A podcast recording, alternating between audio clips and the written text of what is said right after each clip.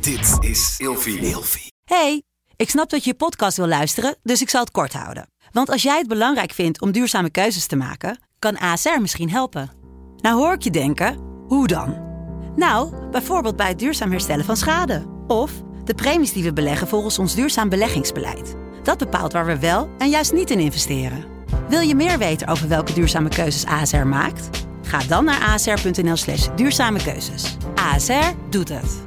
Zo, dan kan je nu lekker naar je podcast luisteren.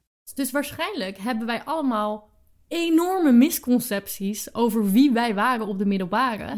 Omdat andere mensen ons totaal anders zagen. Want iedereen zat in zijn eigen cocon. Iedereen zat zo erg in Iedereen zijn was eigen kokon. eenzaam en iedereen was bezig met volwassen lijken voor andere mensen. Terwijl we dat allemaal niet waren. Ja. Hey, gezellig dat je luistert naar Kleine Meisjes Worden Groot. In deze podcast gaan wij samen in gesprek over alles wat ons niet verteld werd over de weg die jij bewandelt naar het worden van een volwassen vrouw. Hey Lot, Hij schudt. jij eh, stuurde mij gisteren een eh, spraakmemo via WhatsApp. En jij begreep mij niet. Ik begreep er echt niks van. Alleen dat het over de middelbare school ging, maar geen idee wat je nou precies bedoelde. Ik was door de stad aan het rijden met mijn fietsie. En ik kwam door Rotterdam-Zuid, waar ik op de middelbare school heb gezeten. Hm. En ik weet niet waarom dat, maar het geeft me zo'n duister, raar, abstract, naar gevoel. Duister ook echt. Ja, nee, echt serieus een beetje duister. Ik weet niet waarom. Maar heb jij dan zo'n vervelende middelbare schooltijd gehad? Dat niet eens. Maar ik denk dat ik heel lang niet heb kunnen plaatsen waarom die hele tijd zo vaag, als een vage plek in mijn herinnering voelt. En ik denk dat ik erachter ben gekomen dat het is omdat niemand een idee had wat hij aan het doen was. Dat, ja, dat kan. Iedereen was zo ontzettend op zoek naar zichzelf, maar tegelijkertijd ook aan het doen alsof. Ik moet eerlijk, als ik, ach, als ik hier aan terugdenk, ik moet eerlijk bekennen, ik heb zo in een bubbel geleefd. En als ik terugdenk aan mijn middelbare schooltijd, dan, dan kan ik ook echt alleen maar daaraan denken. Dat ik gewoon constant in mijn eigen hoofd zat en eigenlijk alleen maar met mezelf bezig was. Dat inderdaad. Je bent totaal niet bezig met de buitenwereld en wat er nou eigenlijk gaande is. Ik was me daar echt niet bewust van. Ik was ook niet bezig met de toekomst. Nee, ik ook niet. Ik had hele grote dromen ja. en ik wist wel wat ik wou ongeveer, maar het leek wel alsof de middelbare school een soort van het enige was wat er was. Mhm. ja, dat herken ik heel erg. Maar jij hebt ook, jij hebt ook vier jaar op de middelbare school gezeten, toch? Ja. Dus dan heb jij ook VMBOT gedaan, Ja. klopt dat? Ja, ik ook. Ehm, maar wist je dan al wel snel dat je naar het grafisch wilde? Of... Oh, ik wist dat ik naar het Grafisch Lyceum wou, dat wist ik in groep 5 van de basisschool. Oh, wauw. Oké. Ja. Maar dat stond dan eigenlijk al zo duidelijk vast dat je er ook verder niet echt mee bezig was. Nou, ik wou of naar de MBO Theaterschool, Mhm. of ik wou naar het Hofplein, of niet? Hofplein, ja. Ja. ja. Leuk. Nee, dat stond heel erg vast inderdaad. Ja, Maakte ik me ook eigenlijk geen zorgen over. Ik wist dat dat zou gaan gebeuren. ja. Manifesting. Manifesting. Die herken ik wel inderdaad. Ik wist ook echt al super vroeg dat ik iets kunstzinnigs wilde doen. Maar wist je dat je dat wou doen in Rotterdam? Nee, want tenminste, ik had een beetje hetzelfde. Dat ik daar ook nog eigenlijk helemaal niet echt serieus mee bezig was. En ik heb dus drie jaar lang HAVO gedaan. En Heb jij HAVO gedaan? ik, ik heb HAVO gedaan. Dat wist ik helemaal niet. Maar meer. mijn school had een beetje een raar eigen systeem. Eh, het werkte met kaarten. Kaarten zijn een soort van tussentijdse rapportjes. Die gaan over zes à acht weken. En als je twee onvoldoende kaarten hebt, dus dan heb je een bepaalde hoeveelheid onvoldoendes op die kaart gehaald. Als je dat twee keer achter elkaar hebt, dan moet je verplicht een niveau terug. Wauw. Dus ik moest in jaar drie van HAVO terug naar VMBOT. En dan kom je opeens heel dicht bij je eindexamen in de buurt. Dus toen moest ik als een gek gaan kijken van oké, wat wil ik gaan doen? Want dat wist je niet. Nou ja, ik wist dus wel dat ik iets kunstzinnigs wilde gaan doen. Maar ja, Ja. je kan niet met VMBOT direct naar de kunstacademie. Want dat is voor Nee. HBO, dat is HBO, voor Ja. HAVO of hoger. Ja. Dus ja, toen kwam inderdaad het Graafs Lyceum eh, op mijn pad. Maar om het even terug te brengen naar de middelbare school. ik was alweer, ik was alweer aan het afdwalen. om het even terug te brengen naar de middelbare school. Ik denk dat het interessant is dat ik, hoe ouder ik word, hoe meer ik erachter kom waarom, waarom ik zo'n raar gevoel heb bij de middelbare school. Is omdat ik denk dat iedereen zich een beetje zo voelde. Iedereen was heel erg op zoek naar zichzelf. En iedereen was aan het puberen. En het hele concept van puberen heb ik heel lang niet begrepen. En hier heb ik een verhaal over waar ik meteen over moest nadenken. Mhm. Omdat ik altijd het kleine zusje ben geweest. Dat is waar. Jij bent inderdaad de jongste. Ik ben de jongste thuis. Mijn hele familie, ik heb een familie van 100 mensen ongeveer, neven en nichten. serieus. Ja, serieus. En daar ben ik ook een van de jongste van. Dus ik heb nooit echt ehm, pubers van dichtbij meegemaakt. Hm. Tot ik op mijn 23ste op vakantie was met familie. En een van mijn familieleden van 15 jaar Mhm. Ehm, er gebeurde iets. Wij waren in gesprek met elkaar. En out of nowhere, ik snapte niet wat er aan de hand was, begon hij ontroostbaar te huilen. En ik, ik wist, ik had echt kortsluiting in mijn hoofd. Ik begreep niet wat ik gedaan had. Ik snapte er helemaal niks van. En ik probeerde het goed te praten. En de mensen om me heen waren zo kalm en rustig. En ik dacht, jongens, deze persoon is aan het huilen. Wat, waarom is iedereen rustig? Ik heb iets verkeerds gedaan. Ja. Totdat we op een gegeven moment terug gingen lopen. En iemand komt naar me toe en die zegt... Oh, die is gewoon aan het puberen, joh. Het werd hem gewoon even te veel. En ik dacht... Oh, zo werkt dat. ik had nog nooit een puber meegemaakt... Ja. die gewoon totaal raar reageerde op een situatie. En ik kon dat gewoon zo niet plaatsen... omdat ik altijd de puber was geweest. Mhm. Waarbij mensen dat tegen mij zeiden. Tegen mij zeiden, oh, je bent gewoon aan het puberen. En dan dacht ik, hou je mond. Ik ben helemaal niet aan het puberen. Wat, dat, dat denkt elke puber. Want dat denkt elke puber. Ja. En toen pas had ik op mijn 23ste voor het eerst begreep ik wat er in een puberbrein gebeurt. Maar heb je dan toen op dat moment, toen, je toen jij die realisatie had, heb je toen zelf ook nog flashbacks gehad naar je eigen puberteit? Dat je dacht, oh wow, dingen vallen nu opeens op zijn Nou, ik plaats. denk, ik denk voornamelijk het hele, de hele, het hele gevoel wat ik heb als ik ben op de plek waar ik naar de middelbare school ben gegaan. Hm. Wat raar is, inderdaad. Want waarom heb ik zo'n duister gevoel daarbij? Nou ja, dat was natuurlijk, dat was het centrale punt van je leven op dat moment. Hè? Alles, Dat was die bubbel waar je dat het was over die had. bubbel. Alles wat je wist, alles wat je kende, alles wat je deed, gebeurde daar, op die school. Dat was je leven. Maar jij bent de oudste thuis. Ja, Dus- klopt. Op welk moment had jij voor het eerste moment dat jij bij je broertje of zusje zag dat hun aan het puberen waren? Ja, nou, mijn zusje is dus bijna vier jaar jonger, drieënhalf, vier jaar. En mijn broertje en ik schelen elf jaar. Dus ik heb inderdaad hun puberteit ook meegekregen. Ja. Heel raar. Ja? Heel raar. Maar ik had dus wel echt instant flashbacks naar mezelf als puber. En ik heb dus later ook nog een helder moment gehad dat ik naar mijn moeder ben gestapt en mijn excuses heb aangeboden. Nee. Ja, er is, nou, er is echt één moment en dat staat me ontzettend bij. Eh, ook op vakantie, dus net zoals dat familielid van jou. Mhm. eh, die toen eh, in huilen uitbarstte. Dat ik, dat was een van de laatste keren dat ik met mijn ouders meeging naar Zuid-Frankrijk. Twee weken in een staakerven. Ik was niet te Hoe oud was je? Ik denk dat ik 15 of 16 was. Oh. Dus dan zit je echt wel in die Ja, prime ja, ja, tijd van je puberteit. Ik was niet te genieten. Ik was zo'n brat. Ik was zo lelijk aan het doen. Ik gedroeg me echt heel erg ondankbaar. Echt Oh heel God. ondankbaar. Weet je wat ik deed? Ik heb me twee weken lang in mijn caravankamertje opgesloten. En wij hadden zo'n draagbare DVD-speler die je dan in de auto, weet je wel, kon gebruiken. Dat is zo typisch. Is heel typisch. Volgens mij ook super Nederlands, maar dat terzijde. Ehm maar ja, die kon je ook gewoon binnen in je caravankamertje zetten. Ja. Zo'n heel klein schermpje en had je zo'n hoesje met allemaal van die dvd's erin, Ja, weet je ja, wel. ja. En ik heb gewoon twee weken lang Mamma Mia on repeat gekeken. Nee. En volgens mij Barbie films en zo. En dat is het enige wat ik wilde doen. Ik wilde nergens meer naartoe. Ik wilde niet met mijn ouders gezien worden. Ik wilde Maar niet zwemmen. daar denk je over terug en dan denk je...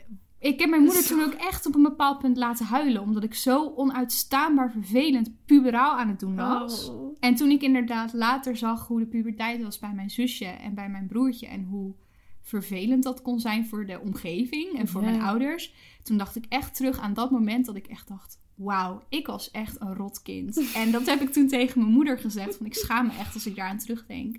Maar nogmaals, niet om het goed te praten. Als ik ook terugdenk aan hoe ik me toen voelde. Ik begreep niks van mezelf. Je zat- begrijpt helemaal... Je zit helemaal in de knoop je met zit jezelf. helemaal in de knoop met jezelf. Maar dat heb je dan niet door. Nee, want je denkt echt klopt. dat je gelijk hebt. Ja, had- ik had het echt niet door. Ik zat zo in mijn eigen bubbel.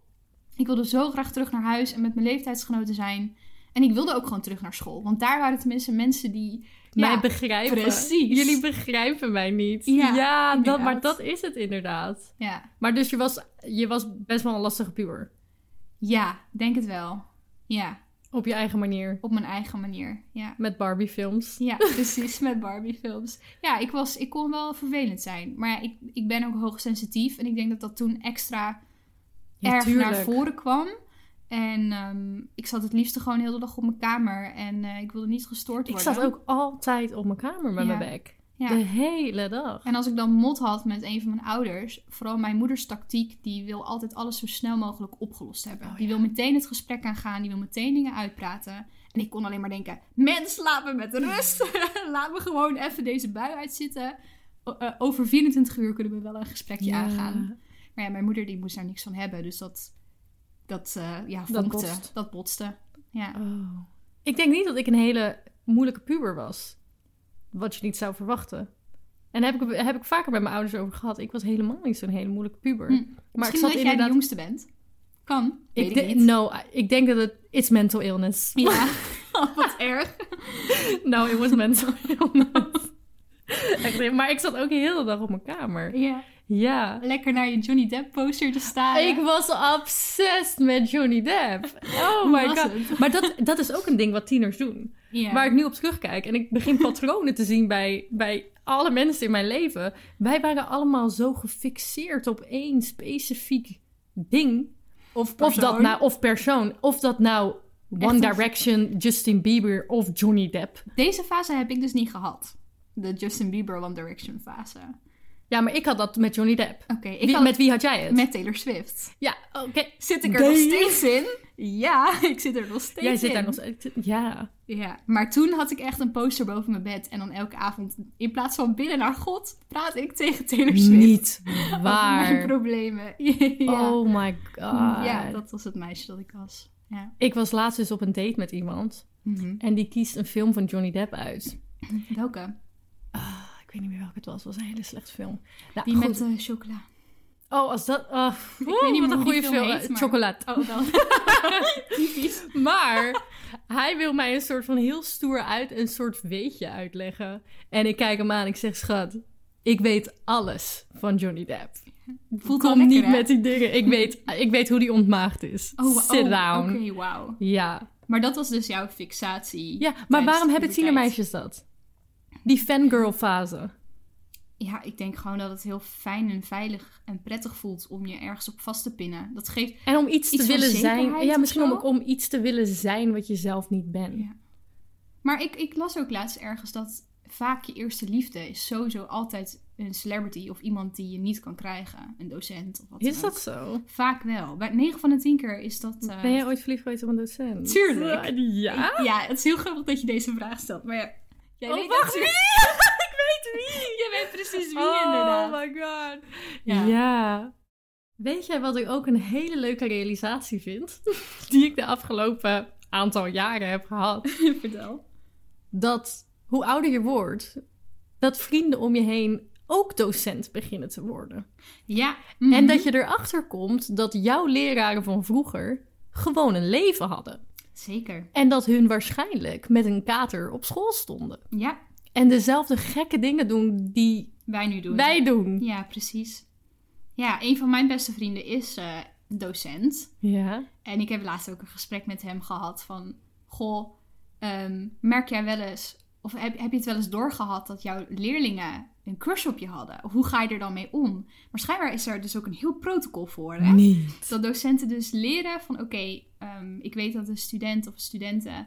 eh, verliefd op me is of een crush op mij heeft... dan is er dus schijnbaar een bepaalde manier... hoe je daar als docent mee om moet gaan. Weet jij het protocol? Een klein beetje, maar ik ga, nee, ja, maar ik ga het niet delen hier in de Oh. podcast. Volgens mij is het, ja, ik weet het niet. Ik ben geen docent. Misschien is het wel heel geheim, ja, Oh. geheime informatie. Maar ze moeten er dus op een bepaalde manier mee omgaan, zodat ze niet de gevoelens van de student, scholier kwetsen. Ja. eh, maar tegelijkertijd het ook niet dus beantwoorden.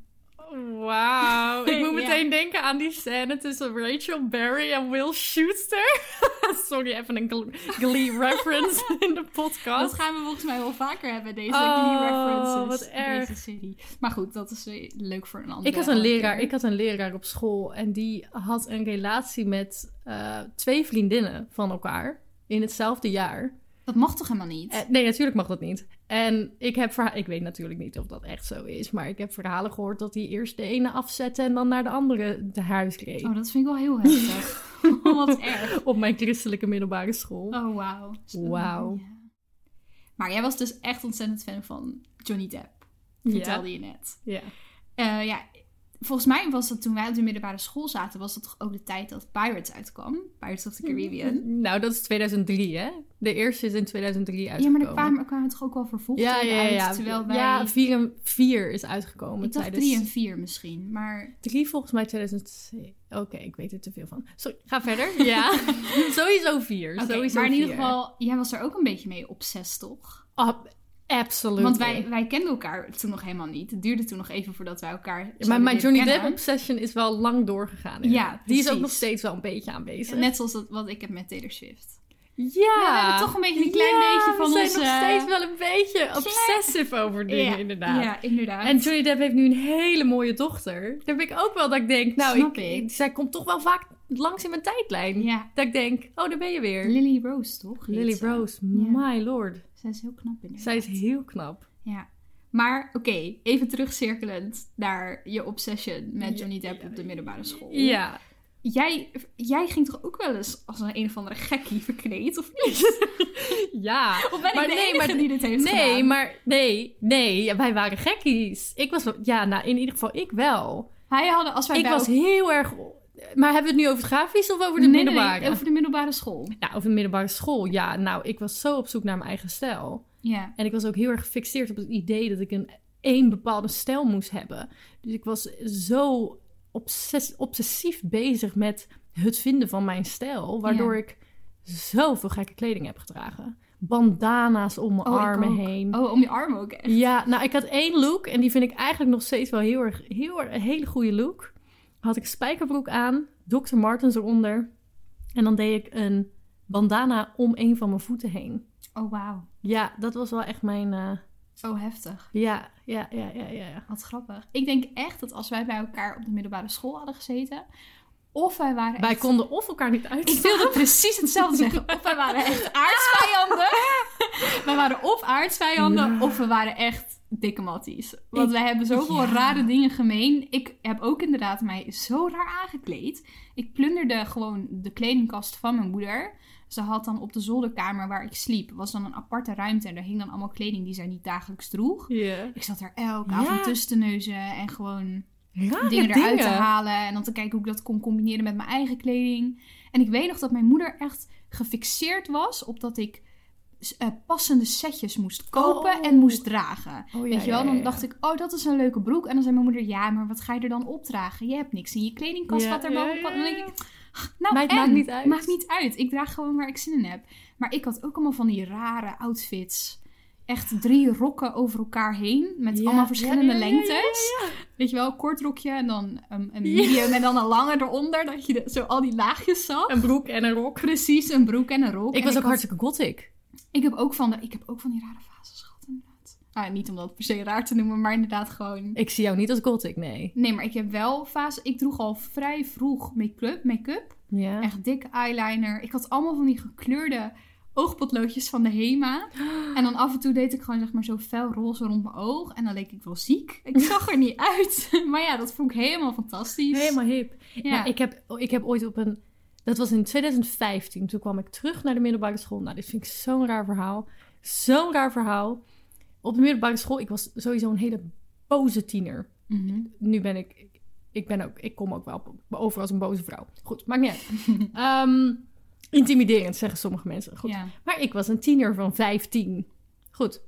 Ik had altijd zwarte kleding aan en heftige dingen. En ik had altijd glimmende rode lippenstift op. Met heel, heel veel eyeliner. Komt mijn oude mentor naar me toe in 2015. En toen zag ik er gewoon zakelijk normaal uit. En ze zegt: Oh, ik ben zo blij dat je er gewoon, gewoon fleurig en gewoon normaal uitziet. Ik vond jou altijd zo intimiderend. Oh, Ik maar dat snap ik wel. maar ik denk bij mezelf, er staat hier een vrouw van 40 mij te vertellen dat toen ik 15 was, Jij ik intimiderend was. Ja. Wat een giller. Maar dan vraag ik me af, Waarom werden wij niet gepest? Ik heb hier oprecht lang over nagedacht. Niet eens per se voor deze podcast, maar dit is een vraag. Oh, die jij tot- hebt hier al langer over nagedacht. Ja, dit is een vraag die mij tot op de, op de dag van vandaag boeit. En ik heb hier oprecht wel een theorie over. Maar het is grappig, want ik heb hier laatst ook een story over geplaatst. Ja? Ik heb letterlijk op mijn, story, eh, op mijn story op mijn Instagram... Oh, dat heb ik dan denk ik heb ik geplaatst... ehm, ik snap niet waarom ik niet gepest werd vroeger. Ja. Maar ga verder. Ja. Ik denk echt dat het ook te maken heeft met die bubbel. Dat je zo erg in je eigen hoofd en in je eigen wereld leeft, dat het toch niet uitmaakt wat iemand van je vindt of wat iemand Denk tegen je je? zegt. Dat denk ik echt. Dat denk ik echt. Want als mensen mij raar hadden gevonden, en ik weet zeker dat dat wel is gebeurd, en er over, wat over hadden gezegd, dan heeft het me denk ik echt koud gelaten. Of het is niet binnengekomen, of ik heb het niet gemerkt. Ik was zo erg met mezelf bezig. En wat ook wel heeft geholpen, denk ik, is dat ik een eh, ik had een vriendinnengroepje van drie à vier vriendinnen mijn hele middelbare schooltijd lang. En Hmm. ja, ik denk dat dat ook een soort van beschermingsmuur of zo heeft gevormd. Ja, als je gewoon in dat kleine kokonnetje blijft zitten. Precies. Als je in een kokon zit, in die bubbel. Ja, wat maakt het dan uit hoe je erbij loopt of wat je doet? Niemand kan je iets maken. Je hebt toch al je vrienden. Oh, dat is wel grappig dat jij er zo over denkt. Ja, ik denk dat dat een van de hoofdredenen is geweest. Dat jij niet gepest Ja, werd. precies. Omdat je het gewoon niet naar je... Het kwam gewoon Het niet kwam, aan. het kwam gewoon niet aan. Het ketste gewoon tegen die muur af. Die, die, die beschermende muur die ik om me heen had aan vriendinnen. En de bubbel die ik voor mezelf had gecreëerd. En mijn obsessie met Ja, Taylor maar jij bent ook wel zo'n type inderdaad die gewoon echt volledig in je eigen bubbel leeft. Ja, ik had het gewoon... e- Als jij het al was hele geweest, had ik het niet Nu door. ook nog. Jij hebt hele specifieke vrienden. Ja. Je bent gewoon een niche als persoon. Oh, dank je. dat, dat vind ik Nee, een maar dat is compliment. zo. Maar dat Ja. is grappig. Ik had, ik had dat helemaal niet. Ik was met iedereen bevriend. Ik was altijd met iedereen aan het ouwe hoeren. Ik hoorde alles. Ja. Maar ik denk dat ik gewoon... zo- zoals die, mijn oude, oude mentor tegen me zei in 2015... Ik was gewoon vrij intimiderend. Ja. Dus ik gaf iemand gewoon een klap. Wauw. maar hadden jullie op de middelbare school ook een... ehm, ja, hoe noem je dat? Een hiërarchie? Is dat het woord? Oh, maar de- dat- dat tuurlijk. er dat- verschillende-. Ja, ja, ja. Gewoon Ja. de popiopies. Ja, precies. Ja, ik denk dat het ding is met mij dat ik ehm, bij iedereen paste. En dat Hm. doe ik in dagelijks steeds. nog steeds. Jij bent nog steeds iemand... Jij bent echt een chameleon, inderdaad. Ik ben echt, want bij jou ben Ja. ik een totaal ander persoon dan ik met iemand anders ben. Jij bent ook de meest extraverte, drukke vriendin die ik heb. En toch kom- ben ik nooit moe of overprikkeld als ik een hele dag met Ja, jou maar dat ben is omdat ik weet hoe jij bent en ik me daar naar vorm. Misschien, maar ik vind dat echt bijzonder. Want ik heb meer drukke, extraverte vrienden. En altijd als ik een periode met hun gespendeerd heb, gewoon een dagdeel, een paar uur, ben ik altijd helemaal gaar. Met jou heb ik dat nooit. Dus jij Oh, bent echt dankjewel. right Dat back is at you. ja, maar Nou. het is echt zo. Ik heb daar nog nooit last van gehad bij jou. Dus ik denk dat je in dat opzicht inderdaad echt een chameleon bent. En dat was je dan waarschijnlijk toen ook al. Ja. Dat Maar- je gewoon met iedereen om kon gaan. Ja, dus ik denk dat ik, ik... Ik zat niet hoog... Ik denk dat ik hoog zat in de hiërarchie. Maar het is ook trouwens het is ook grappig, want ik had een gesprek met een meisje... wat ik... ehm, wat een aantal jaar lager zat dan mij op de middelbare. En ik had het idee dat zij heel erg populair was. En zij had het idee dat ik heel erg populair Mm, was. Maar ik was gewoon bevriend met iedereen en ik had een grote bek. Maar ik wist van mezelf, ik ben wel gewoon een gekkie. Want ik zit wel gewoon op mijn kamer obsessief lekker- te zijn over Johnny Depp en Ja, allemaal precies. domme dingen te doen en Lekker jurken aan te passen. eh, kan beamen ook. Dat, maar zij had het idee dat ik heel erg populair was. Dus waarschijnlijk hebben wij allemaal enorme misconcepties over wie wij waren op de middelbare. Ja. Omdat andere mensen ons totaal anders zagen. Ja. Want iedereen zat in zijn eigen cocon. Iedereen zat zo Iedereen was kokon. eenzaam en iedereen Ja. was bezig met volwassen lijken voor andere mensen. Terwijl Ja. we dat allemaal niet waren. Ja. En daarom grappig, is het zo'n rare tijd. Ja. En, dan En is... niemand praatte ook met elkaar. Dat was ook een ding. Het was een soort van cool om, om niet over je gevoelens te praten. Of, of als je iets niet fijn vond, dan, dan je gaat als kind niet zo snel zeggen: hé, hey, ik vond dit niet tof. Ja. Ik heb wel één heel kenmerkend moment gehad, vond ik dan zelf. Dat die bubbel even, ge, ge- hoe zeg je dat, ge, lek geprikt, geklapt werd. Ja. en het klinkt tegelijk heel extreem, maar dat, dat valt wel mee. Het was geen negatieve ervaring. Het was meer gewoon dat mijn mond open viel van verbazing. Wat omdat ik het gewoon niet aan zag komen. Meid. Wij hadden, misschien hadden jullie dat ook wel, weet ik niet. Maar wij hadden van die talentenjachten ieder Mhm. jaar op school. En ja, dat, ik ga dan de naam even van mijn middelbare school niet noemen, maar het was vernoemd naar de naam van mijn middelbare school. Oké. Ehm, en dat werd ieder jaar één keer georganiseerd. En ik heb daar in die vier jaar dat ik op de middelbare school zat, heb ik daar twee keer aan meegedaan. In mijn, Ik had het niet anders verwacht. ja, in mijn eerste jaar en in mijn derde jaar heb ik eraan Je hebt gezongen. Ik heb gezongen. Precies. Ik weet Liedje het, van ik ken Taylor jou. Ik ken jou. ja, nou, dat is twee keer gebeurd. En in mijn derde jaar ehm, je kon dan als, als leerling kon je daar een kaartje voor kopen van 2 euro om gewoon die avond bij te wonen. En er waren Mhm. drankjes, gezellig, weet je wel. Was in principe gewoon je avondje uit voor dat. Ja, Ja. dat was het toen gewoon. En eh, er waren super veel mensen op komende dagen die ik niet zelf had uitgenodigd, Mhm. maar die speciaal voor mij waren gekomen. Niet En dat waar. waren, m, dat waren meiden van de toen, zeg maar, super populaire club. Dus ja, dat waren de meisjes die hun haar mooi konden stijlen en ux hadden en met een Blackberry rondliepen. Oh ja. Super leuke meiden, maar gewoon echt wel populair. Die hadden alle, Mhm. vriendje, alle vriendjes en zo. Maar ook echt mensen, ja, ik wil niet zeggen onder mij. Dat klinkt zo ontzettend lelijk. Maar ik voelde me wel heel erg de Iets middenmoot. minder populair. Ik voelde me echt de, midden, de middenmoot, de middenmaat van mijn middelbare school. Omgeving. Gewoon, ik lag goed in een groep, maar ik zat zo erg in mijn eigen bubbel dat ik ook gewoon... Ja, ik was niet populair, maar ik was ook niet onpopulair. Ja. Dus er waren gewoon mensen komen opdagen die avond speciaal voor mij om te luisteren naar mijn optreden. Ook met mensen waarbij ik dus niet direct bevriend was, maar die gewoon mij graag wilden zien. En dat vond ik zo bijzonder Ja? dat is me zo bijgebleven dat ik echt dacht, huh? Maar jullie zijn zo populair. Of ik ga nooit met jullie om. Of wat dan ook. Ja, en toch ja. wilden ze graag mijn optreden komen zien. En, dat is, en heel veel van die mensen volgen me ook nog op Instagram, hè? Tot op de dag van vandaag. Ja. Echt eh, bijzonder. Nou, nu je dit zo zegt over Instagram en zo. Ik had... ik- heb natuurlijk best wel wat volgers ge- gehad en heb op YouTube. Mhm. En in het begin werd ik daar een beetje lacherig over gedaan. Totdat ik op een gegeven moment gewoon best wel een grote YouTuber werd. Ja. En naar events ging. En Geld kon en geld mee verdiende. En vrienden kreeg die Dan ook bekend waren. eh, serious business. Toen was het opeens serious business. En het is mij gebeurd dat ik uitging en dat ik mensen tegenkwam van mijn middelbare school van vroeger. De meest popiopie mensen. Ja. Die opeens helemaal... Wauw, Lotta. Het is zo goed om jou weer te zien. Kom, we gaan even een fotootje maken. Dit, dat, zo, zo. Dat ik dacht... How the tables have turned. Hou de tables turn. How, de, how the turntables. How the turntables have turned. Jee, ja. Dat was zo grappig. Ja. Maar als we even terugkomen op het idee dat waarschijnlijk iedereen zich zo voelde in die tijd, dat iedereen zich waarschijnlijk heel eenzaam voelde, ehm, moet ik wel nadenken over het feit dat iedereen heel erg aan het doen was alsof hij volwassen was. En aan Mhm. het doen was alsof alles goed ging om maar stoer te lijken voor anderen. En wat bij mij heel erg een realisatie was, is dat dat voor mij een soort van diepere laag had, omdat ik door mijn separatieangststoornis, wat inhoudt dat je bang bent voor separatie, dus bang bent om weg te zijn bij je ouders, bijvoorbeeld, of bij je huis of dat soort dingen. Ik was heel erg ehm, gefocust op nog steeds een kind zijn, Ja. omdat dat een soort coping mechanism was in mijn hoofd.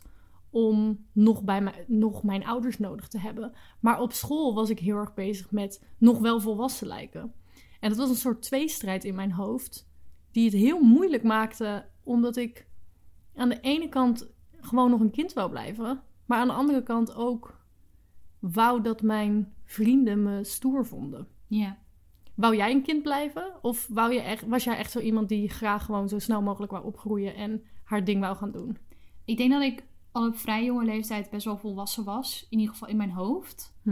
Eh, dat kreeg ik ook vaak terug wel van andere mensen in mijn omgeving. Sterk nog, mijn eerste vriendje maakte het me uit omdat hij me een oma vond. Als in, ik gebruikte te veel dure woorden en ik was veel te wijs voor mijn leeftijd. En uit, uit, uitspraken. Precies. ik, ik, heb, ik, ik spreek heel beeldend inderdaad. En ja, sommige mensen konden dat dan schijnbaar niet aan. Maar ehm, ja, dus nee, ja, toen ik klaar was op de middelbare school, ik was toen 16, toen was Mhm. ik ook echt al klaar om verder te gaan. Dat voelde ik wel heel sterk. Ja. Ja. En toen ging je naar het grafisch. En toen ging ik naar het grafisch. Ja. En was dat voor jou heel erg een omschakeling? Ja, sowieso in eerste instantie al de afstand. Voor jou was het waarschijnlijk wat dichter bij huis. Ja, nou, we moesten eigenlijk wel ongeveer hetzelfde reizen hoor. Ja, Ongeveer anderhalf uur. maar hemelsbreed. Hemelsbreed was jij wel verder, ja. Ja, dat sowieso inderdaad. Ja. ik zat inderdaad anderhalf tot twee uur in het openbaar vervoer vaak. Soms Maar ik was er ook al aan gewend, hè? Dat is waar. Ja, Want ik moest al anderhalf uur reizen naar mijn middelbare school. Ik ging altijd gewoon fietsen naar de middelbare school. Ja. 15 kilometer heen, 15 kilometer terug. Door Ja. wind en weer en ijs. En, Bij mij was het drie uur fietsen als ik zou gaan Oh fietsen. jeetje, dat is wel een beetje, dat, dat is wel een beetje te ver. Maar die switch voor jou, omdat je opeens vanuit de middelbare school, zoals je al eerder zei, je moest Ja. opeens kiezen. Ja, Toen ging je naar het grafisch. ja. Eh, was dat voor jou al die switch naar volwassenheid? Nee, eigenlijk niet. Het was wel heel duidelijk een stap verder. Ik voelde me al wel volwassener. Ik vond het een bevrijding om met mensen in de klas te zitten die in ieder geval ook geïnteresseerd waren, geïnteresseerd waren in creatieve dingen, weet je wel. Het waren ook allemaal een beetje gekkies. Hè? Zeker. Maar heel die school die zat eigenlijk vol met alleen maar gekkies. Maar echt. Ja, en dat voelde wel heel erg als thuiskomen. Maar niet per se als, oh kijk mij nu, ik ben 16, ik ga naar de grote stad.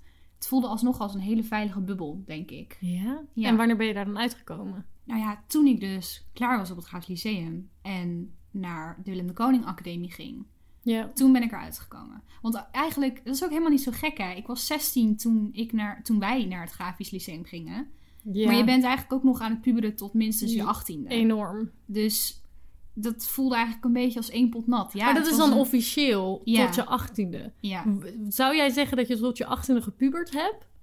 Mm, ik denk tot en met mijn zeventiende. Even om heel specifiek Ja? te zijn. Maar wat heel erg heeft geholpen is dat ik op mijn zeventiende eh voor het eerst een serieuze relatie kreeg. Nou, en dat heeft echt mijn volwassenheid een kickstart gegeven voor nu Ja? Tokio. Ja, heel erg. Ja.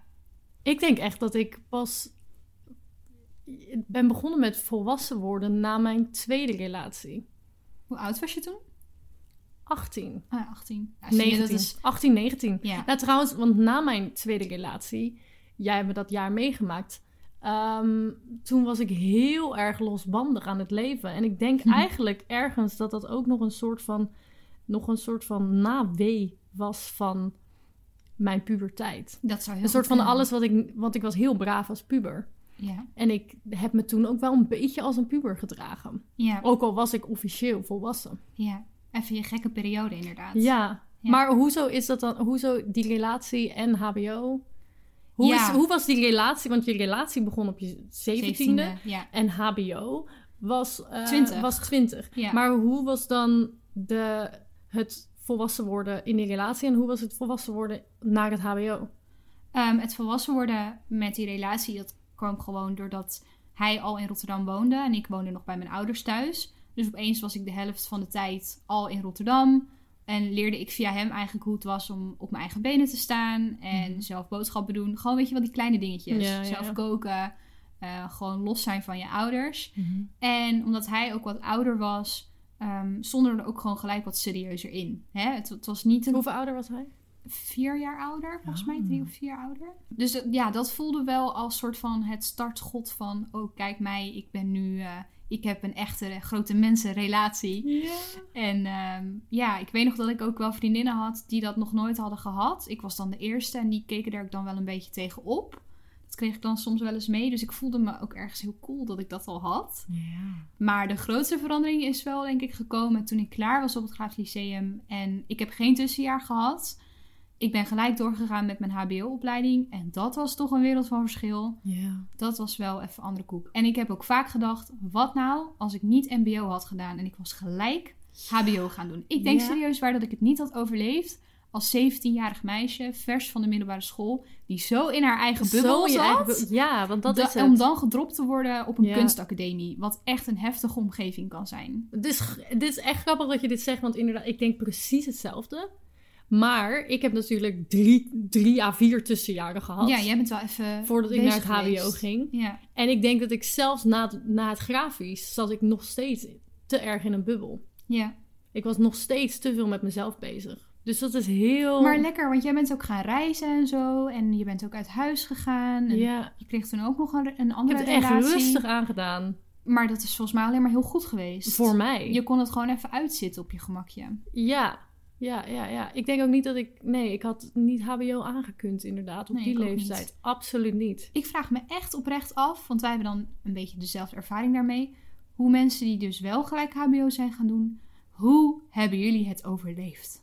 Ik snap het niet. Ik bewonder je. Ja, maar dat zijn ook vaak mensen die HAVO of VWO gewoon hebben afgemaakt. Ja, tuurlijk. En Misschien het is dat het ook wel. verschil, dat vind ik heel bizar in Nederland. Het verschil tussen afstuderen met ehm, van de MAVO Mhm. en afstuderen HAVO.